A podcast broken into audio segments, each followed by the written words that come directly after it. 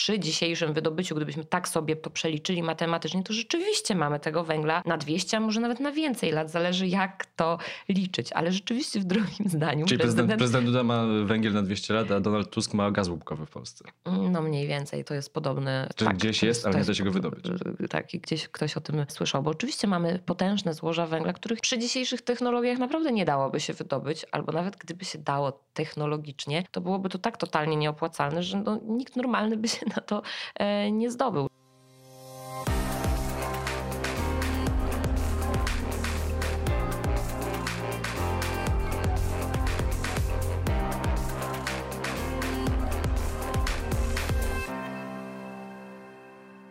Krzysiek Grzyman, dzień dobry. To jest kolejny odcinek Zielonego Podcastu, choć dzisiaj zielony w nazwie tylko i wyłącznie, bo temat zdecydowanie czarny, choć niektórzy mówią, że złoty. Gościem jest Karolina Baca-Pogorzelska. Dzień dobry. Dzień dobry. Dziennikarka zajmująca się energetyką, ale pisząca bardzo, bardzo dużo o węglu. Właśnie dziennikarka kiedyś Rzeczpospolitej, potem dziennikarka Gazety Prawnej, a potem to kto wie. Kto wie. Kto wie, kto wie, kto wie co będzie. Będziemy rozmawiać o węglu, bo ten temat, gdy rozmawiamy o zmianach klimatów, to automatycznie schodzimy na węgiel węgiel i automatycznie tutaj dyskusja się praktycznie kończy albo gdzieś tam blokuje. A może zaczyna właśnie? No wydaje mi się, że na razie się blokuje. Przynajmniej przy tym układzie rządzącym, który jest, tutaj się rozmowa e, blokuje niestety i to jest taki argument wyciągany z rękawa, czy to w warstwie gospodarczej, czy to w warstwie społecznej. E, ale zacznijmy od samego początku. Ile razy byłaś pod ziemią? Ale nie tylko w kopalniach węgla, bo byłam też w kopalniach miedzi na przykład. Okay. A w kopalniach węgla ile razy? Nie wiem, w sumie pod ziemią byłam jakieś 70 razy. O, sporo. No, ale więcej w kopalniach węgla rzeczywiście. Ciężka robota jest pod ziemią. Ciężka, ja byłem ciężka, raptem trzy razy w kopalni pod ziemią. Ciężka, ciężka robota i tego, tego na pewno nie można w żaden sposób e, podważać, bo w Polsce jest ona jeszcze bardziej ciężka, chociażby z tego względu, że nasze płytsze złoża już się wyczerpały, górnictwo schodzi coraz głębiej, warunki im głębiej, tym gorsze tak naprawdę i trudniejsze i dla górników, i dla maszyn, i i dla budżetów kopalń, bo to wszystko przekłada się na koszty wydobycia.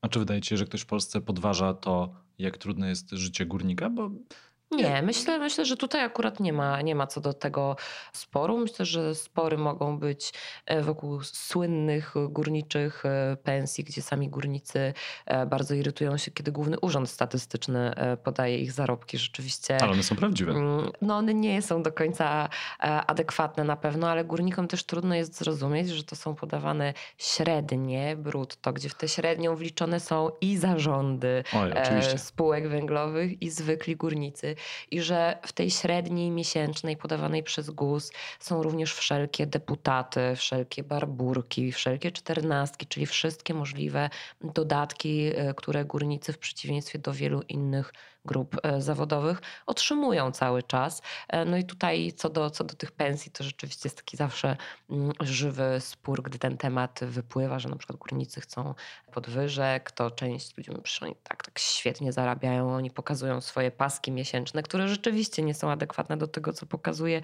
GUS, no i tak troszeczkę się przepychamy i buksujemy z tym tematem cały czas. No i jeszcze wiek emerytalny jest taką kwestią która budzi emocje. No tak. I cały system emerytalny na, tak no, naprawdę stworzony ja myślę, dla Cały, cały system emerytalny nie tylko dla górnictwa może budzić wiele wątpliwości. Natomiast w przypadku górników, to ja przywołam tutaj taki temat równie mi bliski rodzinnie, e, przykład muzyków. E, czy ktoś jest sobie w stanie naprawdę wyobrazić solistkę baletu tańczącą na scenie do 65 roku życia, 67 roku życia, czy nawet chociaż 60 roku roku życia. Ja y, nie chcę tutaj nikogo dyskryminować, ale to jest tak bardzo trudny zawód również, że pewne figury, pewne występy dla osób w pewnym wieku nie będą możliwe. Innym przykładem niech będzie oboista. Oboista, który gra na oboju, musi dmuchać powietrze do swojego instrumentu przez bardzo, bardzo, bardzo cieniutką dziurkę i to może w dłuższej perspektywie, i to jest serio udowodnione, powodować naprawdę choroby neurologiczne. Dlatego oboiści też mogą grać na tym instrumencie tylko i wyłącznie do pewnego wieku. Ja nie widzę natomiast przeciwwskazań, żeby górnik, który e, ma prawo przejścia na wcześniejszą emeryturę, miał też możliwość zmiany zawodu, ale też taką, żeby to było wsparte czymś, poparte mm, jakby szkoleniem, za które on sam no, nie będzie musiał w tym momencie zapłacić. Wtedy, wtedy możemy dyskutować o tym, czy taka osoba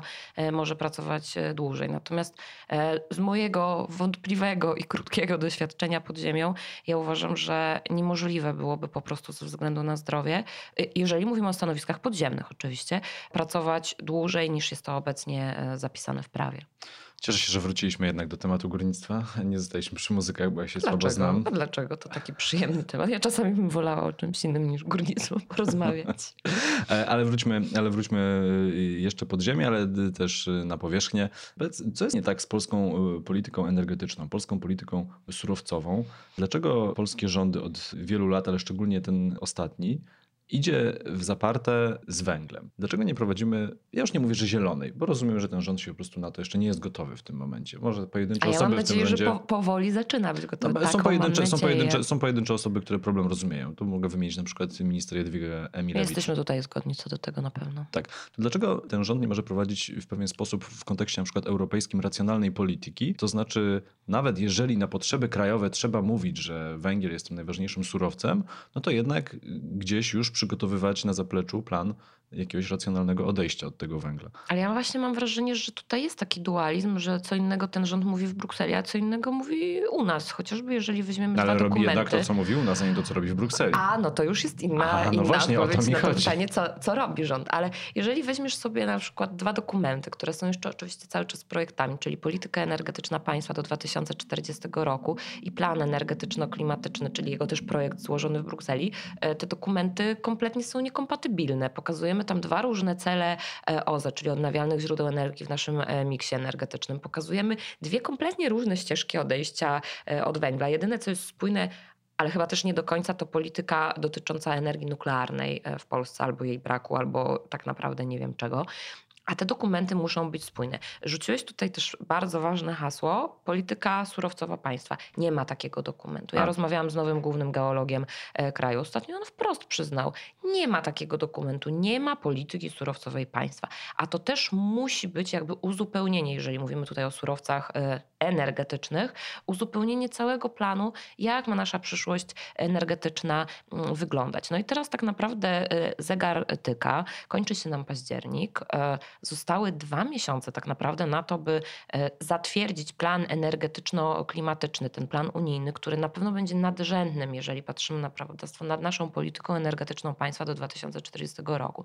Przy czym ja już we wrześniu słyszałam, że do końca września zobaczymy poprawioną politykę energetyczną państwa do 2040 roku, czyli kolejny projekt, który będzie konsultowany. No cały czas czekamy na ten dokument. No jeżeli minister energii Krzysztof Tchórzewski, który cały czas jest jeszcze ministrem energii, bo tak naprawdę nie wiemy, kto będzie dalej nadzorował energetykę i czy to ministerstwo się uchowa, dowiemy się niebawem. Chociaż no jeżeli ktoś nas słucha po kilku tygodniach, to już wiemy. To już wiemy, tak, to już będziemy wiedzieć. Ale pod koniec października jeszcze, jeszcze tego na dzisiaj nie wiemy. No więc jeżeli minister energii Krzysztof Tchórzewski mówi wprost, pytany przez dziennikarzy, czy my zastosujemy poprawki zasugerowane przez Komisję Europejską w naszym planie klimatyczno-energetycznym, bo Komisja Europejska uznała, że jest on zbyt ambitny. A pan minister odpowiada, że no, część może zastosujemy, część e, może nie, bo tak naprawdę to są sugestie, my nic e, nie musimy no to ja tak naprawdę zaczynam się obawiać o naszą politykę energetyczną Polski i tak naprawdę o ten nasz prąd, który jest z gniazdka dla wielu osób, bo mm, zachodzą tutaj bardzo skomplikowane procesy polegające na tym, że za chwilę będą wchodziły nowe, e, różne wymagania unijne. Nie chcę tutaj wchodzić może w szczegóły zbyt skomplikowane, ale one będą nas zmuszały do powolnego wyłączenia starych bloków węglowych, których nie opłaca się modernizować po to, żeby je dostosować do nowego prawa. Więc Czyli bloki tych... z lat 60. i 70. Tak, tych mocy węglowych będzie mniej, będzie, będzie mniej e, e, sukcesywnie. Oczywiście też mamy przyrost mocy węglowych, otwarte ostatnio dwa nowe e, bloki w Opolu, no ale to są zupełnie, to jest zupełnie inna klasa niż te, które będziemy wyłączyć. To są dużo lepsze, efektywniejsze, mimo iż węglowe mm, bloki, to nawet muszę użyć tego słowa, ale czystsze, jeżeli chodzi o, o emisję, czy to, czy to nawet dwutlenku węgla, czy, czy, czy przede wszystkim innych substancji, jak tam tlenki siarki, na przykład tlenki azotu. W każdym razie y, robi nam się dziura robi nam się niebezpieczna dziura. Oczywiście powoli powiększamy tutaj nasze interkonektory, możemy sprowadzać też coraz więcej energii elektrycznej z zagranicy, ale to chyba też nie jest to, co chcielibyśmy robić, bo od lat powtarzamy przecież, czy to ten rząd, czy poprzednie, że to przecież węgiel jest e, gwarancją naszego bezpieczeństwa energetycznego i naszej niezależności energetycznej. A teraz to pytanie o niezależność e, energetyczną staje się coraz bardziej zasadne. I widzisz, i poruszyłaś ten temat w wątku energetyki, że w zasadzie pewnie import energii będzie jednym z rozwiązań na to, żeby załatać bilans energetyczny. No ale też nie załatwi sprawy też nie załatwi sprawy. A wracając do węgla, to mamy rząd, który mówi o tym, że mamy świetnie dużo węgla, będziemy go wydobywać przez jeszcze 200 lat, czy tyle, ile nam e, pozwoli, sensie nie pozwoli, po prostu tyle, my będziemy chcieli tak naprawdę. Nawet nie chodzi o to, na co technologia nam pozwoli, po prostu my mamy go tyle, że będziemy go wydobywać bardzo długo, a tymczasem w ciągu ostatnich lat import węgla do Polski rośnie. To y, tak naprawdę ile mamy węgla w Polsce na ile lat dzisiaj? To ja, ja, ja wrócę do tych słów, bo, bo przywołujesz tutaj e, słowa prezydenta Andrzeja Dudy ze szczytu klimatycznego COP24 w grudniu Świetny timing mm, w Katowicach, kiedy on powiedział o tych 200 latach węgla. I ja mam wrażenie, że tylko to utkwiło wszystkim e, w pamięci, bo drugim zdaniem, które powiedział prezydent było to, że tak naprawdę złoża, które jesteśmy w stanie wydobywać, to pozwalają na wydobywanie jeszcze przez 30-40 lat.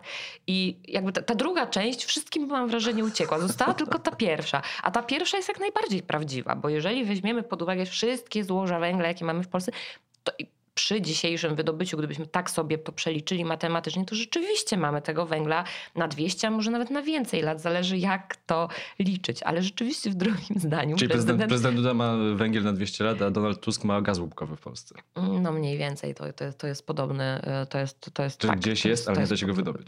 Tak, gdzie, gdzieś ktoś o tym e, słyszał. Bo oczywiście mamy potężne złoża węgla, których nie, przy dzisiejszych technologiach naprawdę nie dałoby się wydobyć, albo nawet gdyby się dało technologicznie, to byłoby to tak totalnie nieopłacalne, że no, nikt normalny by się na to e, nie zdobył. Rzeczywiście tych, e, tych złóż, które mamy, mówimy średnio o 30-40 latach, bo są takie kopalnie, które za 5 lat skończą złoże i, i to fedrowanie się naturalnie skończy, ale są takie kopalnie, które mogą jeszcze i 50 lat tak na dobrą sprawę e, pracować. Wszystko zależy właśnie od tych decyzji, o których powiedzieliśmy. No ale teraz tak, My mówimy o tym, że zmniejszamy wydobycie węgla, bo zmniejszamy, zamykamy te kopalnie. Paradoksem jest to, że PiS, który zapowiadał, że nie będzie zamykał, wygaszał, usypiał, czy jak to tam się pięknie nazywało, żadnych kopalń, dobrych kilka po prostu zamknął, ale zamknął je skutecznie i z sukcesem nie było żadnych protestów społecznych, więc to jest niewątpliwie, to jest niewątpliwie sukces, jeżeli się taki proces przeprowadza bez, bez wzburzenia społecznego i bez protestów na ulicy. No ale tak, zmniejszyliśmy w ciągu kilku lat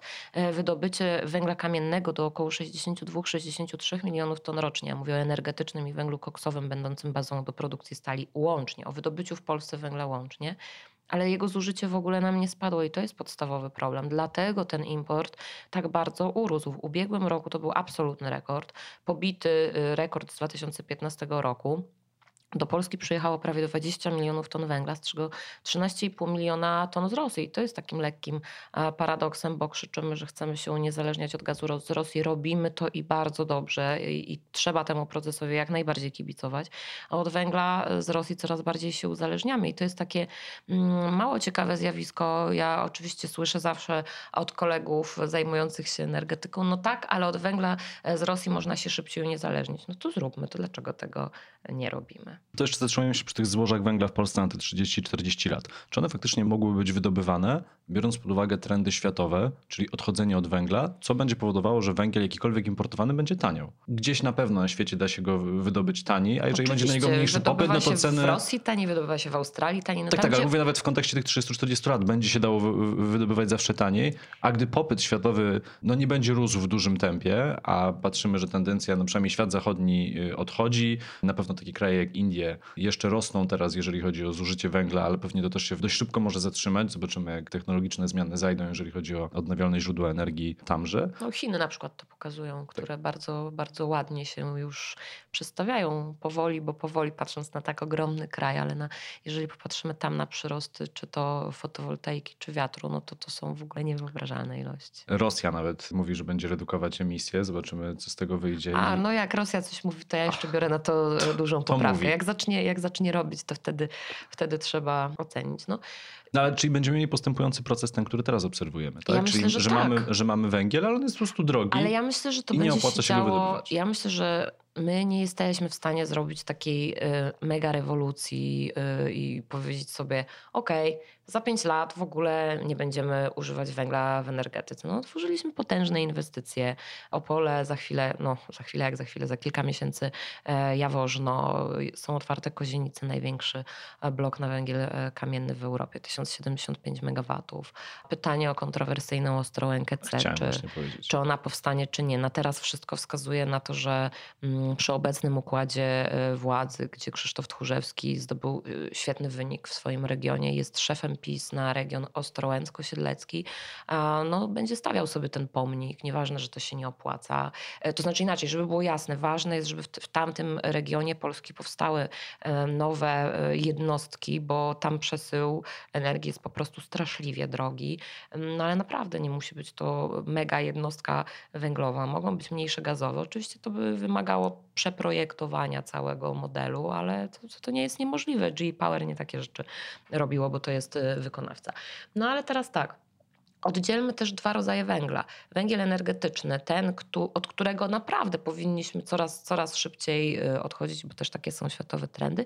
No i wspomniany już przeze mnie węgiel koksowy, węgiel koksujący, będący bazą e, do produkcji stali. Do końca roku, przynajmniej do końca roku, a są duże szanse, że stanie się to dłużej, on jest wpisany na listę surowców krytycznych, strategicznych Unii Europejskiej, ponieważ na razie technologie mm, wytwarzania stali alternatywne technologie wytwarzania stali nie są tak dobrze rozwinięte jak alternatywne technologie wytwarzania energii elektrycznej. Jeżeli one będą postępujące, no to i węgiel koksowy przestanie być z czasem tak potrzebny, jak jest dziś. A dziś nie możemy sobie wyobrazić, czy to produkcji samochodów, czy budownictwa, no bez stali tak naprawdę to dochodzimy chyba do takiego pytania, a przynajmniej ja dochodzę do takiego pytania, to w zasadzie dlaczego tak bardzo kurczowo trzymamy się w Polsce węgla? Bo jako wytłumaczenie dla tego, dlaczego nie wprowadzamy jeszcze odnawialnych źródeł energii, to zwykle pada odpowiedź, no bo mamy jeszcze dużo węgla do wydobycia, a gdy spojrzymy na spalany węgiel, to importujemy ten węgiel, żeby go spalić, bo nie mamy czym palić. To gdzie jest w takim razie prawdziwa odpowiedź na to pytanie? W spokoju społecznym. Ja Ale mam, naprawdę, e, ja mam wrażenie, że wszyscy kupują spokój społeczny od wielu, wielu lat. A ile osób pracuje w górnictwie? 70 tysięcy? W samych kopalniach węgla kamiennego, bo jeżeli mówimy tylko o kamiennym, to jest 81-82 tysiące ludzi. Tylko pamiętaj proszę, że każda, każda z tych osób tak mniej więcej tworzy 3-4 etaty w firmach okołogórniczych. To są dostawcy sprzętu, e, maszyn. Przecież my mamy ogromny przemysł maszyn górniczych e, w Polsce, świetnie rozwinięty. No, ale też eksportujący. Oczywiście, że tak. Oczywiście, że tak. No i też importujemy te maszyny, to nie jest tak jeden do jednego. E, ale przecież to są, to są też firmy zewnętrzne, które e, zaopatrują górnictwo, czy to w usługi, czy to właśnie produkty. E, więc tak naprawdę, jeżeli byśmy chcieli uczciwie powiedzieć, to mówmy przy węglu kamiennym o 250 tysiącach łącznie miejsc pracy, ale jeszcze mamy węgiel brunatny, to też jest kilkadziesiąt tysięcy miejsc pracy, więc załóżmy, zaokrąglając, że w sumie jest to 350 tysięcy osób. To nie jest mała mała grupa. Z tym, że mam wrażenie, że wszystkie rządy bardziej liczą się właśnie z tą grupą śląską, bym tak powiedziała, tak. czyli z górnikami, z górnictwem węgla kamiennego na Śląsku, z sytuacją, która jest tam, a tak naprawdę może nie tyle z górnikami, którzy coraz bardziej rozumieją potrzebę zmian i sami, sami tych zmian często też dokonują w swoim życiu. To jest super ciekawa historia dla mnie.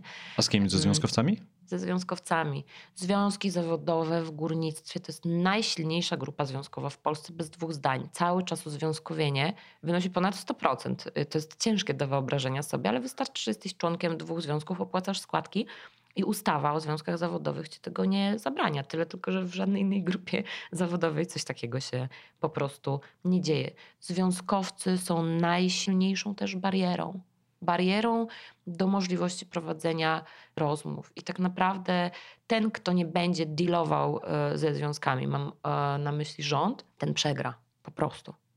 Ten przegra. Naprawdę wierzysz w to, że kto wygrywa Katowice, czy kto wygrywa Śląsk, wygrywa całą Polskę? W, nie, w ja, ja mówię, że kto dealuje ze związkowcami, ma święty spokój w górnictwie. Po prostu. Okay. A dealują wszyscy, wszyscy, naprawdę. Jeżeli popatrzymy na to, co się dzieje po 89 roku, jeżeli popatrzymy na to, co zrobiła Ewa Kopacz po przejęciu sterów rządu, kiedy właśnie zaczęła się dogadywać ze związkowcami, znaczy ja inaczej, ja nie mówię, że rząd ma się nie dogadywać ze związkami zawodowymi, bo ten dialog jest konieczny, ale kompromis kompromis nie polega na tym, że tylko jedna strona wiecznie ustępuje, a tutaj stroną wiecznie ustępującą po prostu jest rząd. W takim razie, czy uczciwym jest y, takie stawianie sprawy wobec górnictwa, że mówimy cały czas, słuchajcie, to będzie trwało i to będzie działało?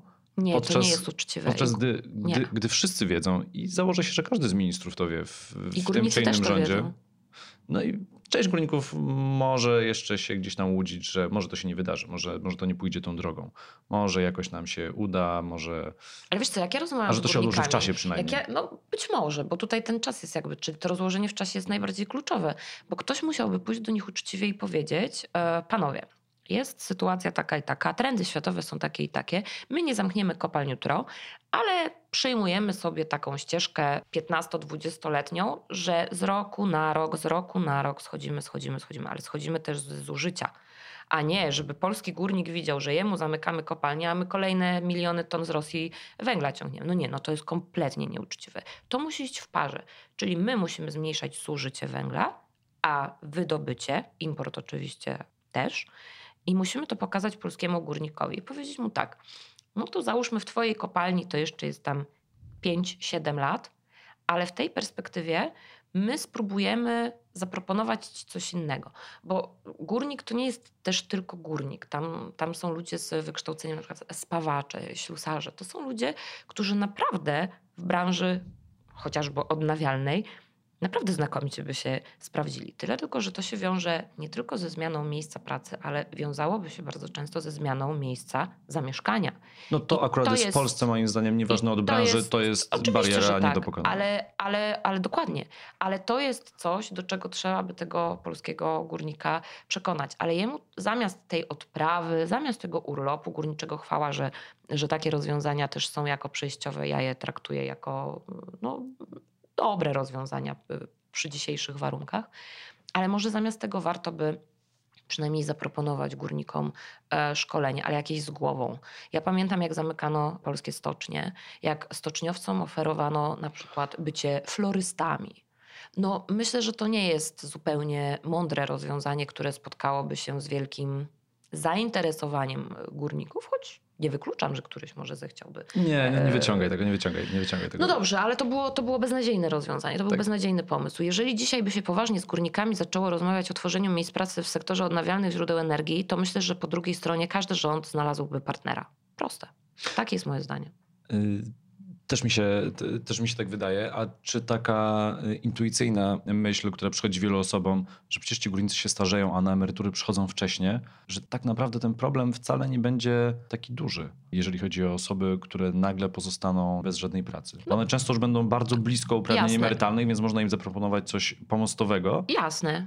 Co Jasne. de facto może się okazać łatwiejsze do zrealizowania dla rządu, nieważne jakiego, bo zawsze niestety dla rządu łatwiej jest wydać pieniądze niż zorganizować cokolwiek systemowego. Dobrze o tym wiemy. Niestety. Co jest pewną patologią.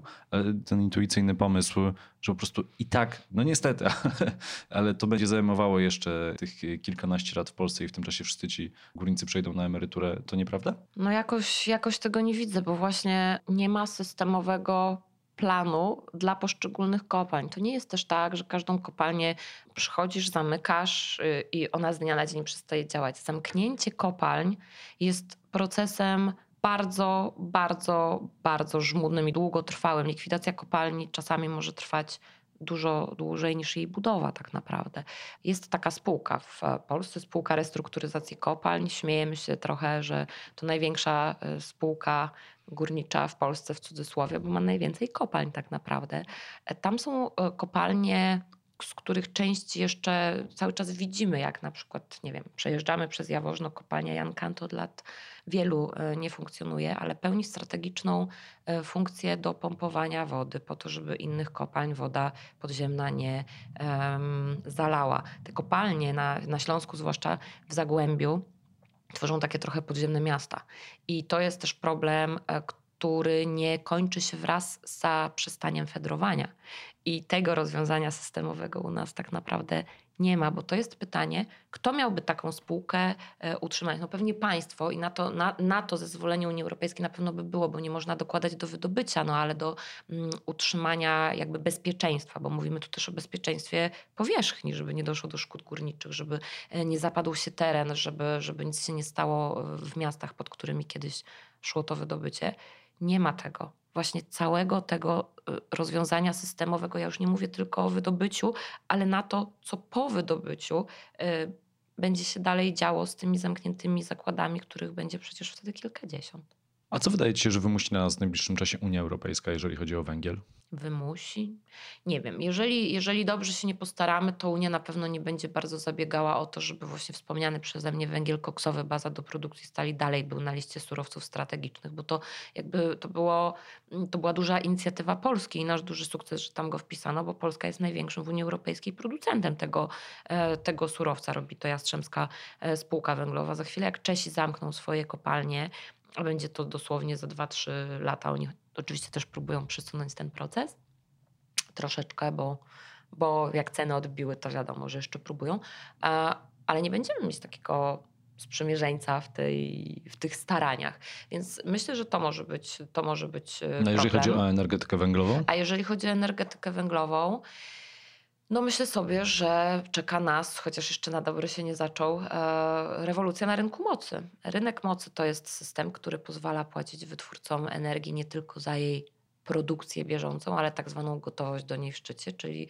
po ludzku mówiąc nowe moce. Na dzisiaj rozstrzygnięte aukcje rynku mocy wspomagają praktycznie w ogromnej większości e, jednostki węglowe. I myślę, że y, to Unia bardzo szybko nam pokaże, że to Eldorado się kończy. Oczywiście w, mm, w, w prawie unijnym jest zapisane, że już tam nas, w następnych latach te aukcje na, na, na węgiel to możemy sobie e, zapomnieć, ale tak naprawdę e, pytanie jest, jak będą się toczyły e, reformy rynku EU ETS, czyli systemu handlu emisjami i tak naprawdę, a może przede wszystkim, jak będzie kształtowała się cena uprawnień do emisji dwutlenku węgla. Część osób mówi, że to giełda, część osób mówi, że to e, spekulacja, ale w każdej giełdzie jest coś ze spekulacji, także, także i tej, ja tego nie podważam. Natomiast e, prognozy ekspertów i krajowych, i nie tylko, mówiące o tym, że te uprawnienia, tona, cena tony uprawnień przebije barierę 30 euro w niedługim czasie, to nie jest straszenie czarnym ludem. No i teraz y, pytanie, co Unia Europejska, dla mnie kluczowe pytanie, co Unia Europejska zrobi z naszą ustawą o cenach energii. Tą ustawą, ja mam na myśli ustawę y, z 28 grudnia 2018 roku, dla roku 2019, bo ona cały czas się nie doczekała e, zielonego światła z Brukseli. To, mhm. to po pierwsze. A po to już drugie, chodzimy na zupełnie inny temat, ale też bardzo ciekawy, bo... Ale węglowy, jeżeli 80% energii elektrycznej wytwarzamy cały czas w Polsce e, z węgla. Więc takimi mechanizmami Unia Europejska może nas troszeczkę jednak zmusić do zmiany y, tego, tego myślenia. No i oczywiście zatwierdzeniem bądź nie pakietu klimatyczno-energetycznego. To będzie kluczowe dla przyszłego miksu. No i właśnie o to, o to chciałem zapytać, że skoro poruszyłeś już temat cen węgla, to tylko mały trend tutaj, to może być pewien polityczny game changer e, przed przyszłorocznymi wyborami prezydenckimi. O rany, jak ja nie lubię tego słowa. No był takim game changerem e, przed tegorocznymi wyborami. Był rok podwójnie wyborczy.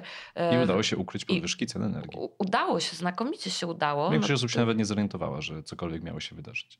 No, to była króciutka dyskusja w mediach, ale tak naprawdę dość specjalistycznych. Naprawdę? Taka króciutka? Ja mam wrażenie, że pisałam dzień w dzień od grudnia.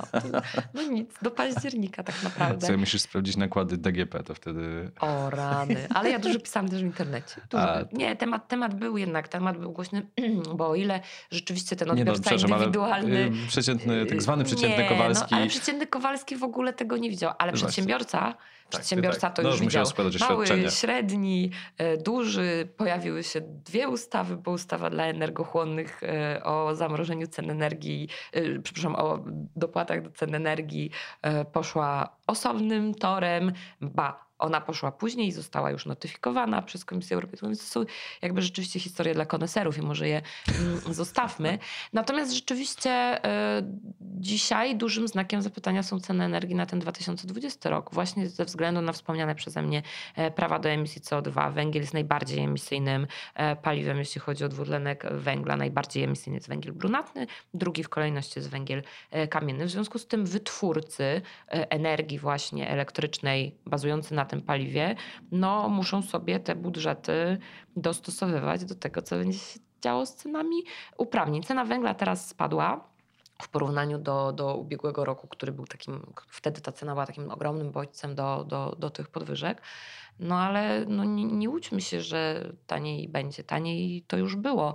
Rząd nie chcąc się narażać y, Unii, jedyne co może zrobić, o tym mówił już minister Tchórzewski, że to jest dogadane z Ministerstwem Finansów wstępnie, e, że utrzymana zostanie niższa mm, akcyza na energię elektryczną na przyszły rok, która została obniżona z 20 zł za megawattogodzinę do 5 zł za megawattogodzinę. To możemy sobie zrobić sami bez y, notyfikacji, bo rzeczywiście minimalny poziom jest y, zapisany. No ale to tak naprawdę naprawdę jakoś się super nie przełoży na e, niższe rachunki. Opłata przejściowa też może będzie niższa.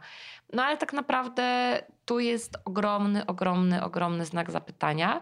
I rzeczywiście te nasze stosunki z Brukselą będą tutaj no, na tak, takim, takim wyzwaniem.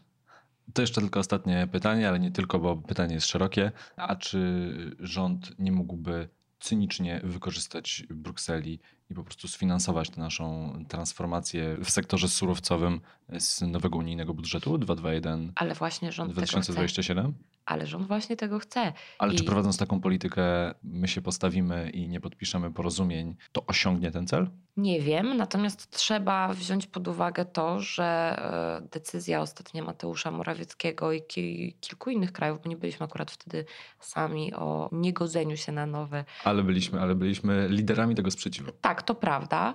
E, natomiast tam było drugie dno, to nie było tylko niebo nie, ale rzeczywiście i nie trzeba się temu dziwić, że chcemy jak najwięcej ugrać e, z unijnego budżetu, żeby tak naprawdę po pierwsze mieć te pieniądze. Wtedy już nie będziemy mieć jakby argumentu, że tego nie robimy, no bo my jesteśmy tacy biedni i nie mamy pieniędzy.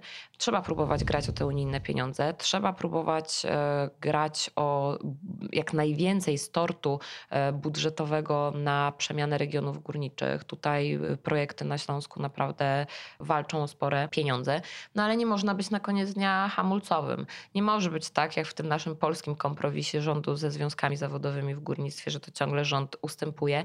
No to w tych naszych rozmowach też nie może być tak, że to ciągle Unia ustępuje. E, ja myślę, że jeżeli y, tutaj w Polsce dogadamy się co do tego trochę, jak, e, jak ma wyglądać ta nasza energetyka, no i pytanie, kto ją będzie nadzorował. Na koniec dnia, no to tutaj naprawdę pole do rozmów z Unią Moim zdaniem jest to nie jest tak, że Bruksela zamknęła się na jakiekolwiek nasze propozycje albo powiedziała naszym oczekiwaniom stanowcze nie. Po prostu ona też oczekuje tego, że my pokażemy klarowne propozycje, jakimi krokami, w jakim tempie chcemy doprowadzić do tego zmniejszenia zużycia węgla w energetyce.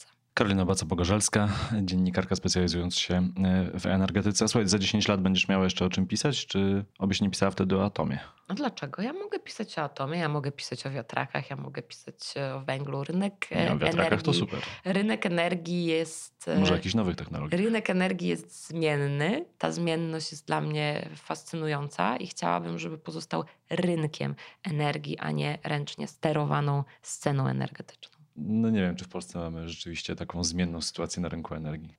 No, ja myślę, że jesteśmy na, do, na dobrej drodze do rozpoczęcia jesteśmy... tych zmian. Trochę optymizmu, trochę optymizmu. Miejmy, miejmy taką nadzieję, że, że, że, że jesteśmy na, na dobrej drodze do tych zmian. Karolina Baca-Pogorzelska, bardzo dziękuję. Dziękuję. Krzysiek Grzeban, do usłyszenia.